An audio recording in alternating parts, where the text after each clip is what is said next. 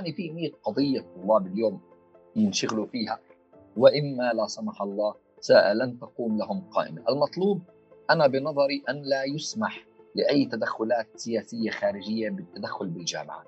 الطلاب حماس، الطلاب فتح، الطلاب يساريين، هذا شيء. وإنه يكون هناك تدخل سياسي واقحام للخلاف الداخلي السياسي الفلسطيني في أمور الجامعات هذا أمر صراحة مرفوض. مش كل حدا بيطالب بحريات هو ضد السلطه ولا ضد فتح. ولا بده يعمل انقلاب في الضفة ولا كل حدا بغزة بيطالب إجراء انتخابات طلابية هو ضد آه، حماس وهو ضد المقاومة هذا الأمر بكفي بكفي إنه كل ما حدا طالب بشيء أنت فورا بتأدلجه وتحطه بصف معين وتعاقبه أو أو أو أو تقمعه أو أو تقوم بأي إجراءات ضده. أهلا وسهلا فيكم مستمعينا في حلقة جديدة من بودكاست عرب 48 في الأسبوع الماضي انكشف الكثير منا إلى صور مؤلمة أتتنا من أروقة الجامعة في جامعة النجاح في نابلس. تأتي هذه الصور كجزء من الحالة الفلسطينية التي يعيشها الفلسطينيين بسبب الانقسام.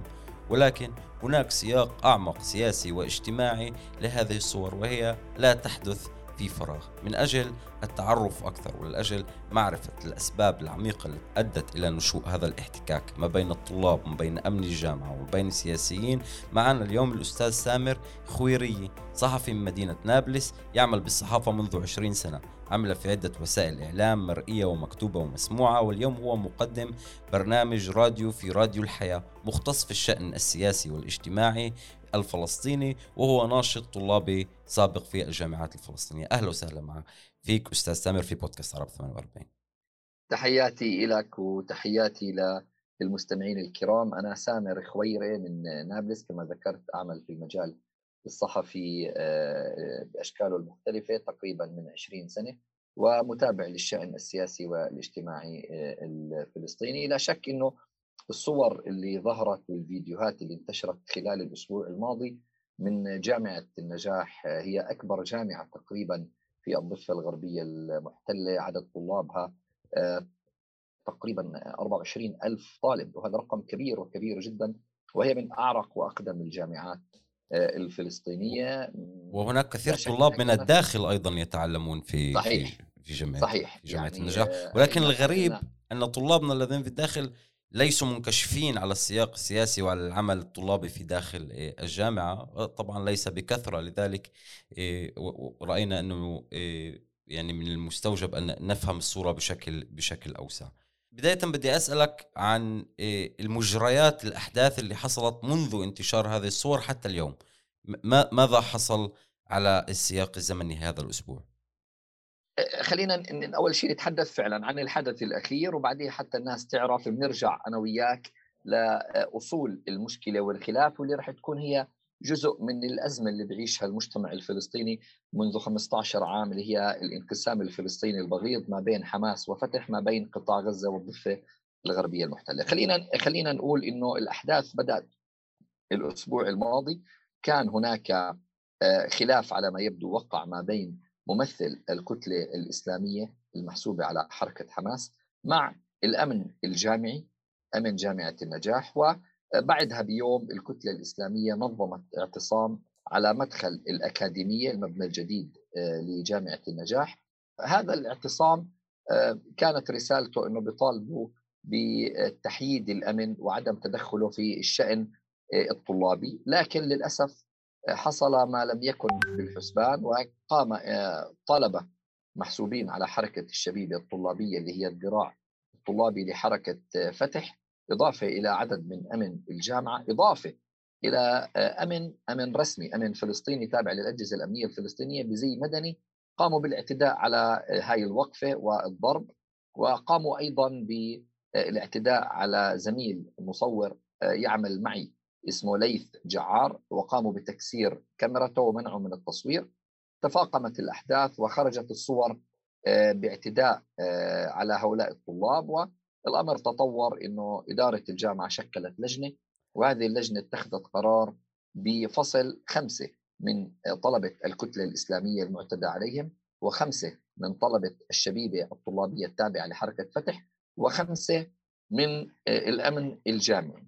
لكن آه، هذا الأمر صراحة لم يكن مرضي لكثير من الطلبة اللي شافوا إنه هذا حل آه، يعني بدك تمسك العصاية من الوسط على حساب المظلوم وبرز شيء اسمه الحراك الطلابي المستقل. هذا الحراك الطلابي المستقل هم طلاب بيقولوا إحنا لا نتبع لأي جهة إحنا لسنا محسوبين على أي جهة لكننا سننتزع إن صح التعبير حق الطلبة بحياة امنه بحياة جامعية آمنة. وبدأوا فعلا بالاعتصام داخل مقر الجامعة المبنى القديم. أهل اللي بيعرفوا نابلس هو في مبنى قديم ومبنى جديد.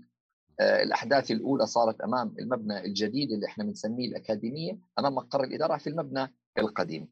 هون كان في بدأ الأمر يخرج عن نطاق السيطرة وخارج أسوار الجامعة.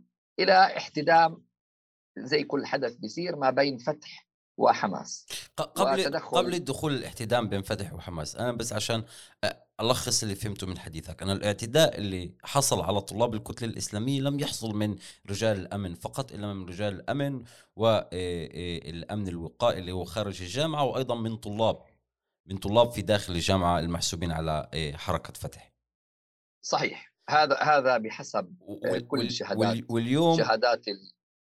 تفضل واليوم الحل اللي قامت فيه الجامعة بفصل ما يقارب 15 شخص من من أمن الجامعة ومن آه، الطلاب هو حل غير آه، غير مرضي وما زالت مستمرة الاحتجاجات ولكن هل التعليم عاد إلى آه، نعم. إلى الدوام عادي؟ لا في في حدث ثاني في حدث ثاني يعني حتى أكون التسلسل واضح الآن لما صار اعتصام الحراك الطلابي المستقل هذا الحراك عطل الجامعة. يعني هو أعلن إنه ضمنيا بيطالب الطلاب بعدم الدوام.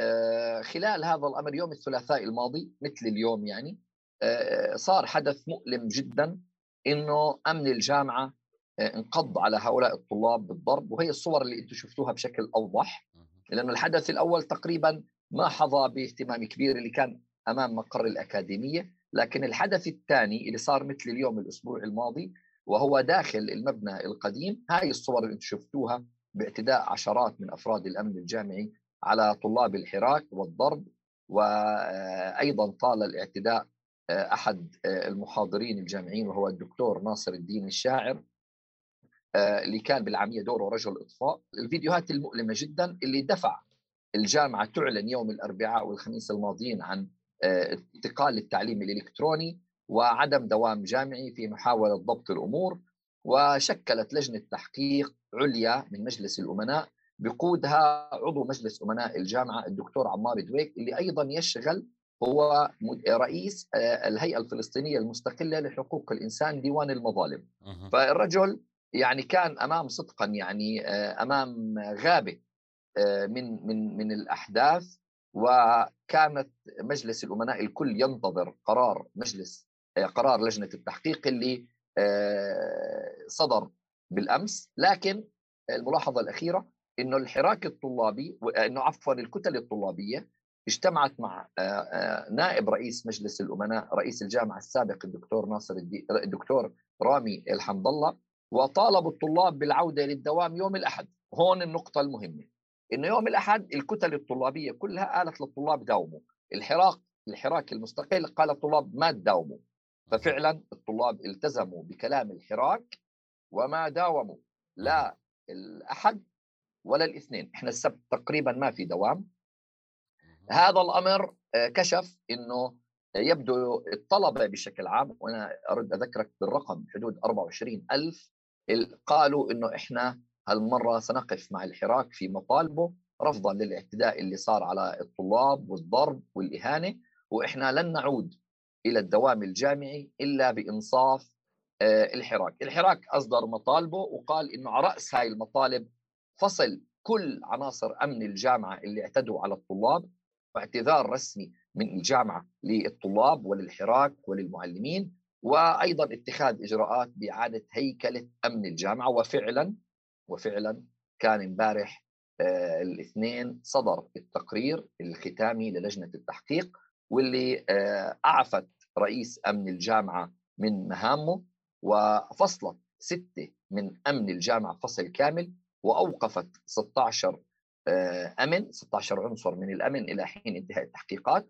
واعتذرت إدارة الجامعة مجلس الأمناء والإدارة والكادر كامل الإداري اعتذرت إلى الطلاب وإلى المجتمع ككل وقالت إنه هي تؤكد على الحياة الديمقراطية وإن هناك انتخابات لمجلس الطلبة في نوفمبر القادم. هذا الموضوع اعتبروه الطلاب انتصار لهم واليوم انتظم الدوام بشكل كامل في جامعة النجاح الوطنية. هذا ملخص حوالي 15 يوم من الأحداث. آه، كانت صدقا وأمانة أحداث مؤسفة للغاية صحيح. اعتداء على طلاب جامعة بهذا الشكل. طبعا لجنة التحقيق هي أصدرت كثير من الأمور من ضمنها أنه لم يثبت أنه أي طالب من الحراك اعتدى على أحد لأنه كان في معلومات أنه طلاب الحراك هم اللي بدأوا وهم اللي آه، اعتدوا على أمن الجامعة اللي اضطر يدافع عن نفسه. لكن لجنة التحقيق أكدت أن الطلاب لم يعتدوا على أحد وإنه كان هناك آه، اعتداء من الأمن الجامعي وفض لهذا الاعتصام السلمي بطريقة عنيفة للغايه وأيضا اعتذروا للدكتور ناصر الدين الشاعر وقالت وهون المعلومة المهمة قالت لجنة التحقيق إنه كان يتحرك بتنسيق كامل من مع إدارة الجامعة. وبالتالي هو هو الدكتور ناصر ليس سرا هو يعني يحسب على الاتجاه الإسلامي وهو نائب رئيس الوزراء في الحكومة العاشرة اللي شكلتها حماس وهو شخصية اعتبارية وأنا شخصيا أعرف هذا الرجل معرفة ممتازة جدا وهو رجل إطفاء حقيقة. يعني بيجي على حاله بالعامية في مقابل المصلحة العامة ورفض رفض قاطع التصريح لأي وسيلة إعلام طيلة المرحلة الماضية. حتى بعد صدور لجنة التحقيق أنا تواصلت معه وقال لي الآن أنا حقي وصلني ولن أخرج لأتحدث على الإعلام تحت أي ظرف كان. هذه ملخص حتى الإخوة المستمعين الكرام في إصلاح. سؤال سؤال أخير في هذا السياق. عدا عن الإجراءات اللي تمت في داخل أسوار الجامعة هل كان هناك إجراءات من آه، قبل آه، الشرطة أو من قبل آه، مجلس الوزراء أو من قبل وزارة التربية والتعليم أو وزارة التعليم العالي في هذا في هذا الشأن؟ لا للأسف كان هناك تصريح لمحافظ نابلس قال إنه هي أحداث داخلية والسلطه لن تتدخل فيها. هم بيعتبروا إنه الجامعة مؤسسة قائمة بحد ذاتها عندها إدارتها وعندها أمنها وعندها طلابها فهي مجتمع مصغر ما كان في تدخلات رسمية. لكن هون برضو هلا ممكن تكون هاي آه، مقدمة للجزء الثاني من الحوار.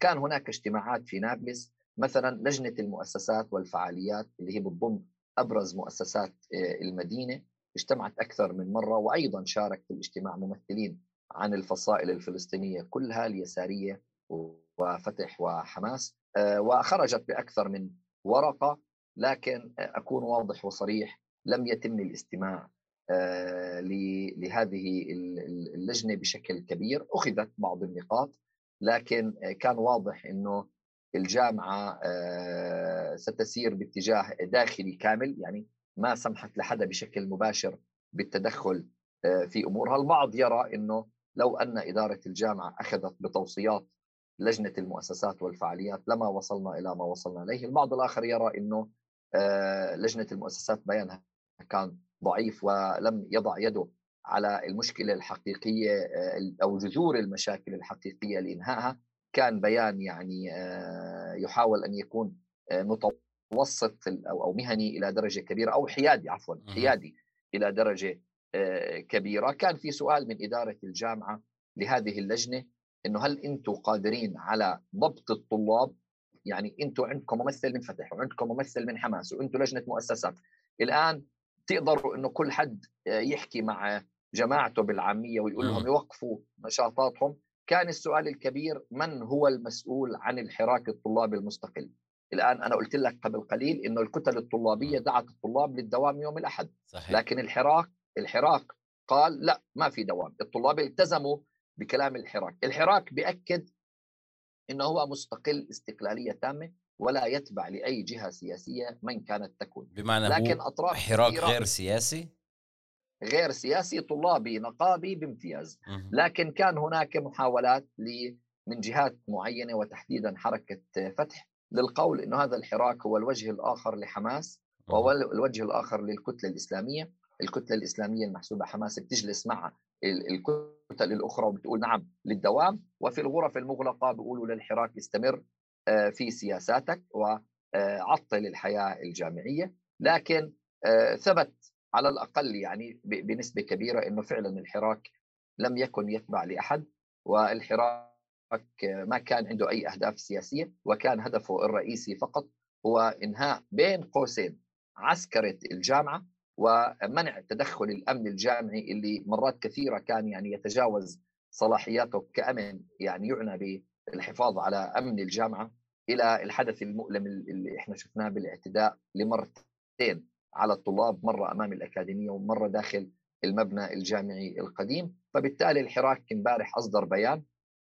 وقال فيه إنه الآن إحنا حققنا غايتنا ويعني تعود الحياة الجامعية إلى طبيعتها وما عندنا أي مشكلة. وصدقا كان هناك أيضا بيان من الكتلة الإسلامية وبيان من حركة الشبيبة وبيان من الكتل اليسارية وثلاثة الجهات الثلاثة قالوا إنه إحنا يعني سعيدين بنتائج التحقيق وندعو إلى حياة جامعية مستقرة ونفتح صفحة جديدة لأنه آه، الأحداث برجع بأكد كانت صادمة مرعبة وخطيرة في حال لم يكن آه، يوضع حد آه، لها وللتجاوزات وللتدخلات الخارجية بالجامعة وبالتالي انتظم الدوام اليوم بشكل كامل. وأعتقد إنه قد تكون هذه صفحة طويت وإنه محاولات البعض لتسييس الحدث وإظهاره وكأنه والله محاولة من حماس في الضفة الغربية للانقلاب كما جرى في غزة. وبالتزامن مع ذكرى الأحداث المؤلمة في غزة 14 6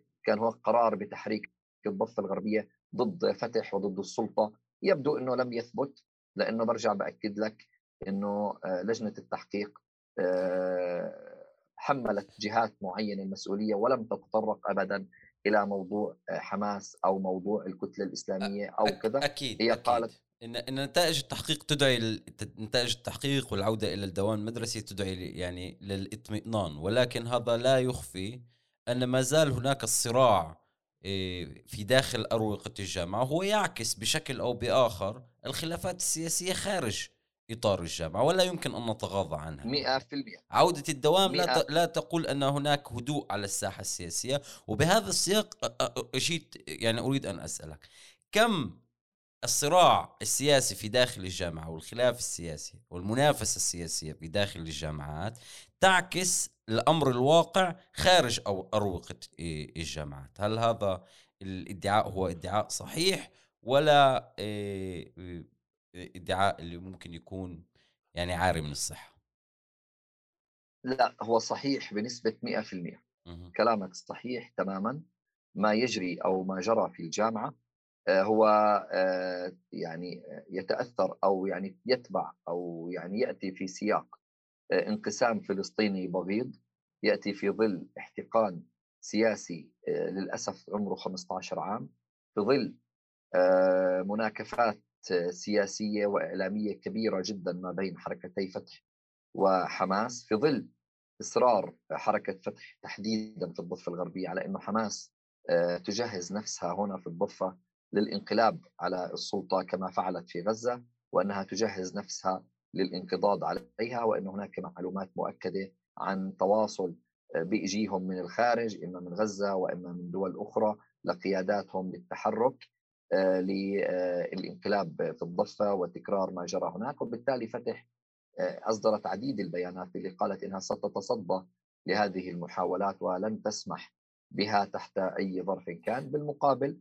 حركة أو أو أيضا هذا الأمر يأتي في ظل تأكيد مؤسسات حقوق الإنسان كلها دون استثناء في الضفه الغربية على أن واقع الحريات في الضفه في أسوأ أحواله وأن هناك طبعا في فلسطين بشكل عام وأيضا في غزة هناك انتهاكات لا يمكن أن نغض الطرف عنها تحت أي ظرف كان. يعني للأسف الفلسطيني هو ضحية إضافة للاحتلال وضحية للانقسامات وصارت هناك أحداث في غزة أيضا مؤلمة جدا واعتداء على سكان واعتقال صحفيين وتضييقات لكن في الضفة بيفرق أكثر إنه بعد آه، اغتيال أو قتل الناشط السياسي مزار بنات العام الماضي ونحن للعلم في ذكراه السنوية الأولى وما تبع ذلك من اعتداءات على الصحفيين في رام الله وتضييقات وكذا أنتجت أنتجت حالة آه، يعني يعني سيئة جدا من الحريات في الضفة والأمن الفلسطيني يصر على إنه من كان يحرك تلك الأحداث بشكل أو بآخر هي حركة حماس مستغلة لهذا الحدث.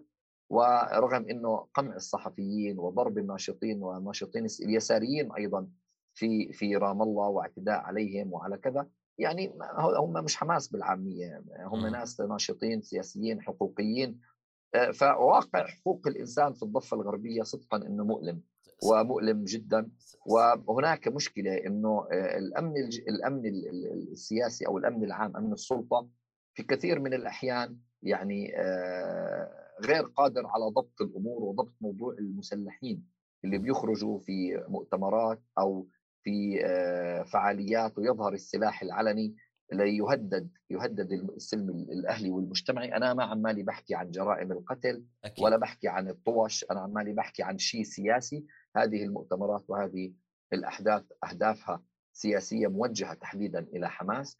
المهم حماس اولا من يعني أنا بقدر أقول من من واقع خبرتي ومعاملتي في الضفة يعني ما في تنظيم الآن حقيقة اسمه حماس في الضفة. هم موجودين كأشخاص لكن التنظيم آه، تعرض لضربات قاسية جدا من الاحتلال الإسرائيلي اللي يعتقد ولا يتوقف عن اعتقال كل رموز حماس وقياداتهم وعناصرهم أي تحركات لحماس في الضفة الغربية في أي منطقة كانت الاحتلال يدخل ويعتقل وكذا. إضافة وللأسف إنه أيضا الأجهزة الأمنية الفلسطينية يعني شنت حملات لم تتوقف على مدار 15 عام ضد حماس واعتقلت الآلاف من عناصرها أكيد ونحن, و... ونحن نشهد هذا هذا الأمور هذا الأمر عن قرب ولكن سأبقى معك في موضوع هذا مش سر هذا مش سر هذا, هذا مش سر. سر يعني. أنا ما عمالي ما عمالي أتجنى. أنت بتقدر برجع باكد لك. لا أكيد هذا ارجع للتقارير السنوية نعم. لمؤسسات حقوق الإنسان أكيد. لديوان المظالم للهيئة الفلسطينية المستقلة لمؤسسة الحق لمؤسسة الضمير حتى لأمينستي حتى لكثير من ال ال كثير ما يتم تداول هذا الأمر بالإعلام. ولكن سأعود معك إلى موضوع الجامعات. يعني أنا اللي افهم من حديثك أن الجامعات تلعب دور مهم إيه، جدا في إحياء الحيز الديمقراطي وفي إحياء الحيز إيه، السياسي حتى لو كان إيه، يعني يمارس عليه الكثير من التضييقات يمارس عليه الكثير من الضغوطات من قبل العوامل الخارجية. يعني من طبع خبرتك ما هو الدور اللي تلعبه الجامعات والنشطاء في داخل الجامعات إيه، في داخل الحيز السياسي في ظل الانقسام وفي ظل انعدام وجود انتخابات منذ سنوات طويلة. فما ما هو الدور اللي تلعبه الحركات الطلابية؟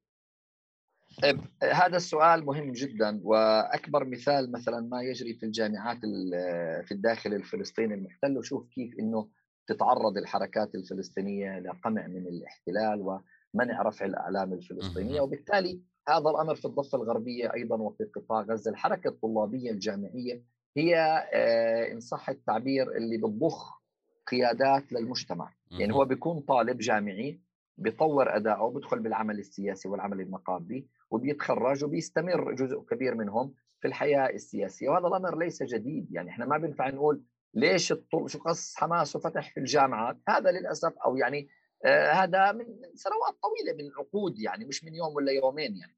الآن وين هذا أمر صحي. هذا أمر صحي. ها أنا كنت بدي أكمل وأقول لكن الأصل وصراحة أن يعني تكون الكتل الطلابية وإن كانت تابعة لأحزاب أن يكون همها هو الهم النقابي الطلابي يعني أنت محسوب على حماس محسوب على فتح محسوب على اليسار ما عندي مشكلة. لكن أنا ما بينفع تقعد تحكي لي عن التنسيق الأمني وتحكي لي عن حماس وتحكي لي عن مش عارف. لا أنا أحكي لي كطالب.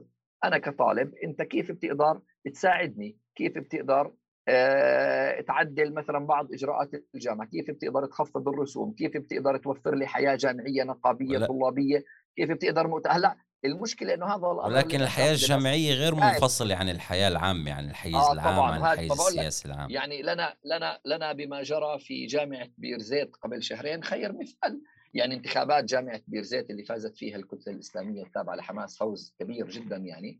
هو هو كان كل كل المناظرة الطلابية اللي كانت هي كانت مناظرة تتحدث عن خلافات فتح وحماس بالدرجة الأساسية يعني. ما بتقدر تنفصل لكن الأصل أن لا يغيب الأصل أن لا يغيب الهم الطلابي الحقيقي عن برامج الكتل الطلابية. الآن اللي صار يعني في ان يكون العمل الطلابي العمل الطلابي أساسي في العمل الطلابي في أساسي في داخل العمل السياسي في داخل أروقة الجامعات وأن لا ينفصل ليصبح يعني طبعا.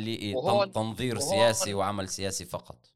وهذا هو رد على سؤالك. يعني كل هاي المقدمة رد على سؤالك إنه الحركة الطلابية الفلسطينية لا شك إنها متأثرة جدا بالانقسام السياسي. فتح بتقول إنها حماس لا تسمح بإجراء انتخابات في جامعات غزة وهي وفتح أو السلطة تسمح بإجراء انتخابات في الجامعات في الضفة الغربية. أنا بقول إنه الحريات ليست مني من أحد لا حماس تمن علينا ولا فتح تمن علينا. هذا شيء موجود في القانون وفي الدستور. إنت ما بتمن علي إنك إنت سمحت لي تجري انتخابات.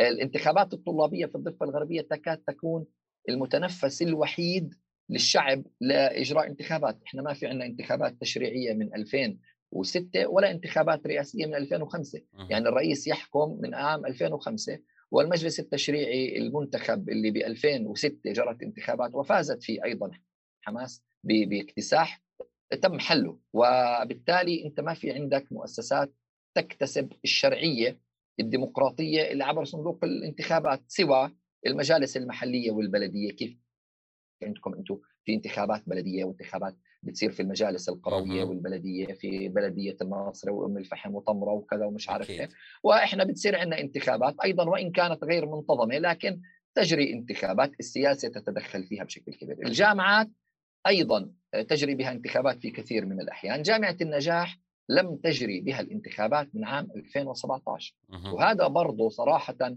يجوز يكون أحد أسباب الاحتقان اللي بتعيشه الجامعة إنه يا عمي إحنا من خمس لا يوجد متنفس للطلاب لممارسه يعني حياتهم السياسية. الطالب الطالب اللي دخل سنة 2017 على الجامعة هيتخرج وما انتخب صح ولا لا؟ يعني أربع سنين بدرس الطالب بالجامعة بالغالب يعني بالغالب أربع سنوات. صحيح. يعني هو لو دخل سنة 2017 أو 2018 إحنا 2022 دخل وخرج وتخرج وما انتخب. ما انتخب طلاب في المجلس الطلبه يمثلوه. فبالتالي كان يعني تأكيد لجنة التحقيق على ضرورة إجراء الانتخابات الطلابية في نوفمبر أظن الأصل أن يتم الالتزام فيه وأن تكون هناك يعني شفافية مطلقة وأنا أكون واضح يعني أيضا. صراحة ما بصير تزوير يعني حتى نكون منصفين ما بصير تزوير في انتخابات الجامعات صحيح. ولا انتخابات البلديات يعني. وأكبر دليل إنه حماس بتفوز عمالها في الضفة الغربية في كثير من المناطق. يعني لو مثلا فتح أو السلطة بدها تزور بتزور. لكن هو الحياة غياب الديمقراطيات والحريات أمر يعني آه، مسيء وبنفس الوقت بخوف. كيف يعني بخوف؟ يعني لما بتيجي مثلا معلش خرجنا شوي على الموضوع لكن مهم حتى الإخوة المستمعين يفهموا. آه، الانتخابات بلدية نابلس اللي صارت بشهر آه، ثلاثة بشهر آذار الماضي. نابلس عدد من يحق لهم الاقتراع في المدينة 88 ألف شخص.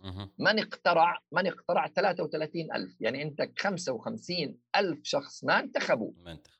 طيب أنتوا ليه ما انتخبتوش؟ هذا مجلس بلدي له علاقة في النظافة وفي المي وفي الكهرباء. الشؤون الإدارية للبلدي شو بلدية بلدية زي عفوا كيف البلدية عندكم؟ والبلدية عندنا مع فارق ممكن الإمكانيات. لكن آه اللي صار إنه لما بتسأل الناس ليه ما انتخبتش؟ بقول لك على الفاضي.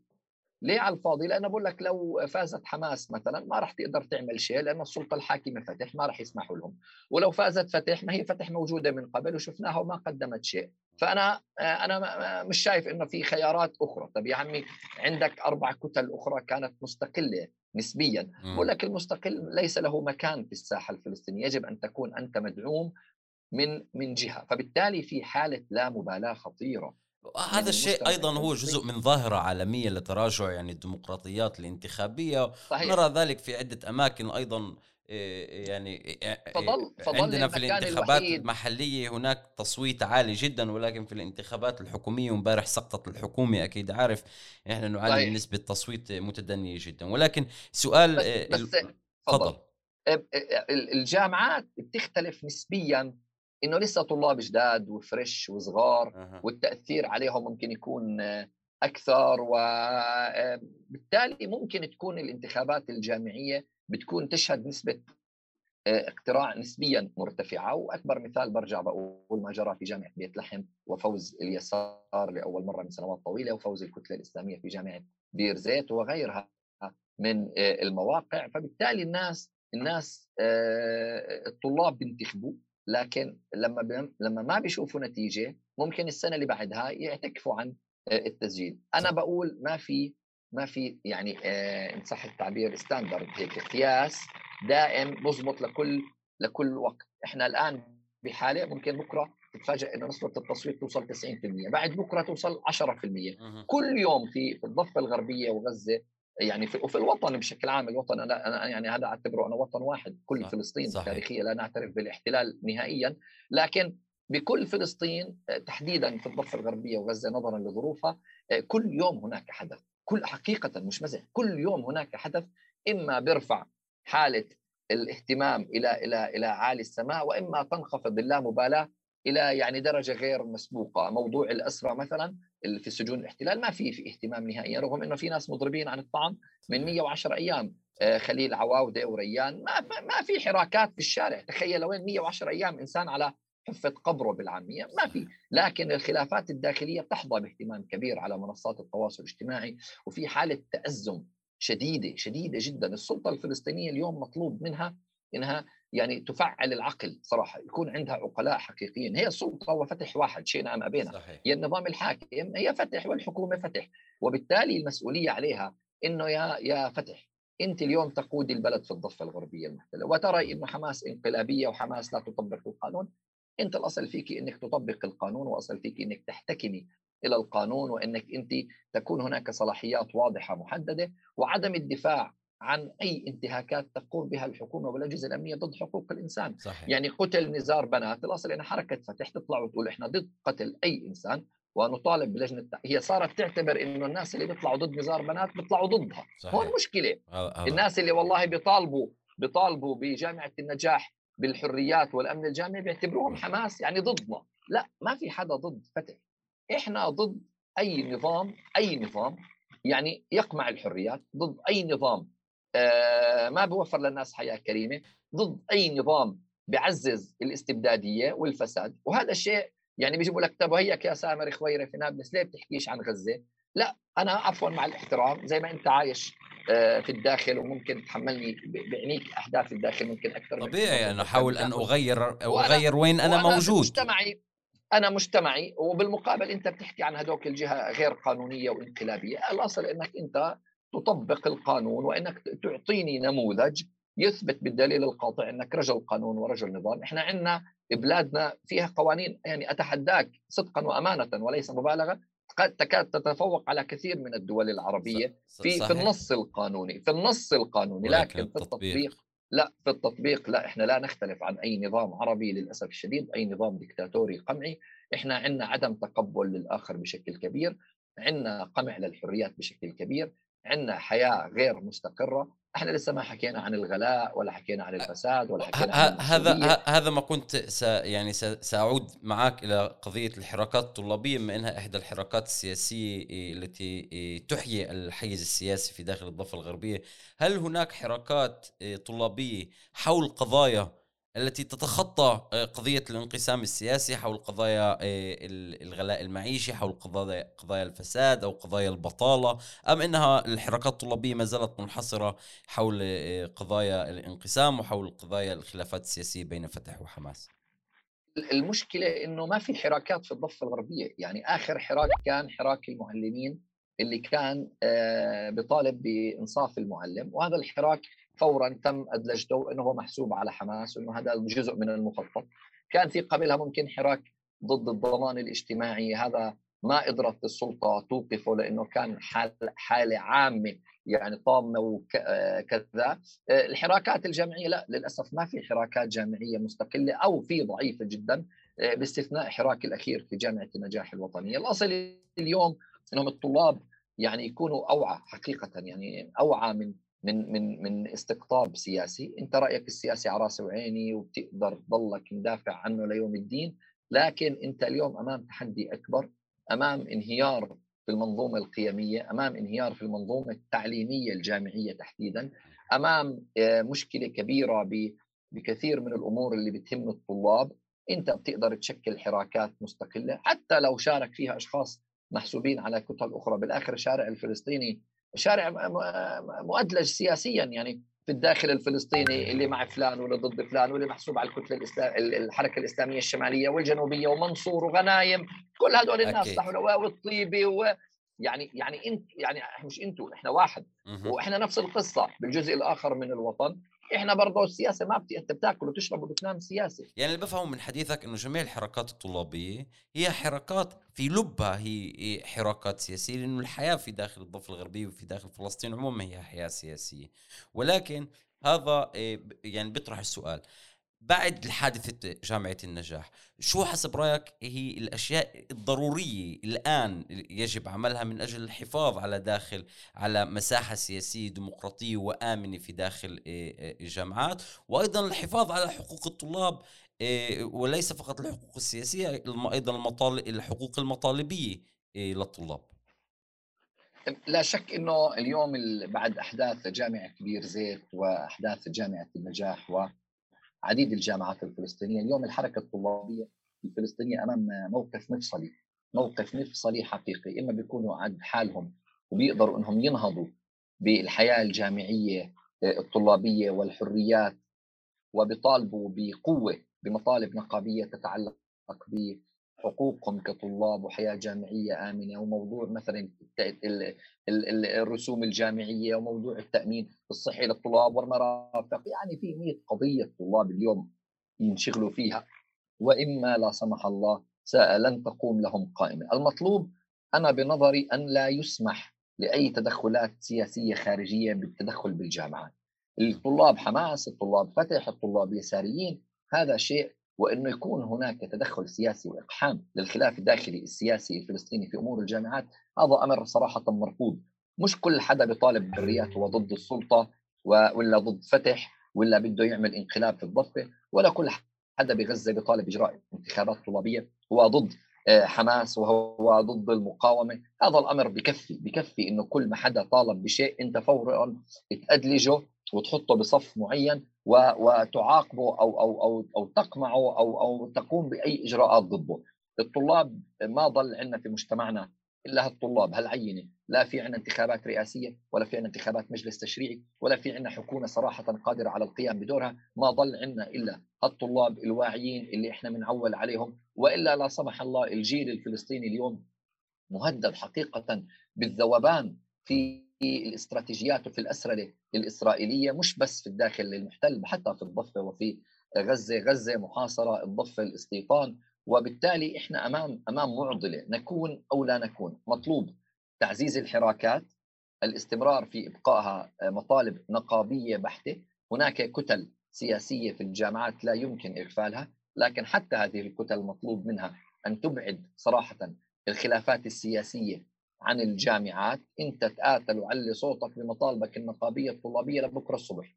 لكن ما في داعي كل ما صار شيء إحنا نستحضر حماس ونستحضر فتح ونبدأ نشتم في أنفسنا لأنه صدقا وأمانة ما بعرف إذا هذه الجملة سمعتوها لكن أنا أكررها كلنا دون استثناء من أعلى شخص في الوطن إلى أصغر شخص كلنا تحت يعني رحمة بديش أقول رحمة الاحتلال؟ لكن كلنا جندي إسرائيلي واحد على حاجز بيقدر يوقفك ويفتشك ويعريك كمان ويقتلك. فبالتالي الاحتلال ما بيفرق. مبسوط الاحتلال على عمله بيصير صدقا مبسوط. وبيعزز هاي الأمر. ما نكون إمعة ما نكون ناس يعني ليس لدينا عقل. نكون ناس واعيين مدركين لخطورة المرحلة اللي إحنا بنعيشها إيه، يمكن بهذه الكلمات هي أفضل الكلمات لإنهاء هذه الحلقة. كلماتك المهمة حول دور الطلاب والأمل الذي يبعثوه. فينا وأهمية الحركات الطلابية في إنشاء وإرساء جيل قيادي جديد يحمل القضية الفلسطينية على أكتافه ويقدمها بالعالم. بهذا ننهي أصدقائي حلقتنا مع الأستاذ سامر خويري صحفي من مدينة نابلس يعمل بالصحافه منذ 20 عام في وسائل إعلام مرئي ومكتوب. وناشط اجتماعي وسياسي في الضفة الغربية. شكرا لك على هذه المعلومات وعلى التزامك إلى الحرية والديمقراطية في داخل الجامعات وفي فلسطين عموما. كان معكم أمل عرابي من مكتب عرب 48 في حيفا وحتى الحلقة القادمة. لعله خير. thank you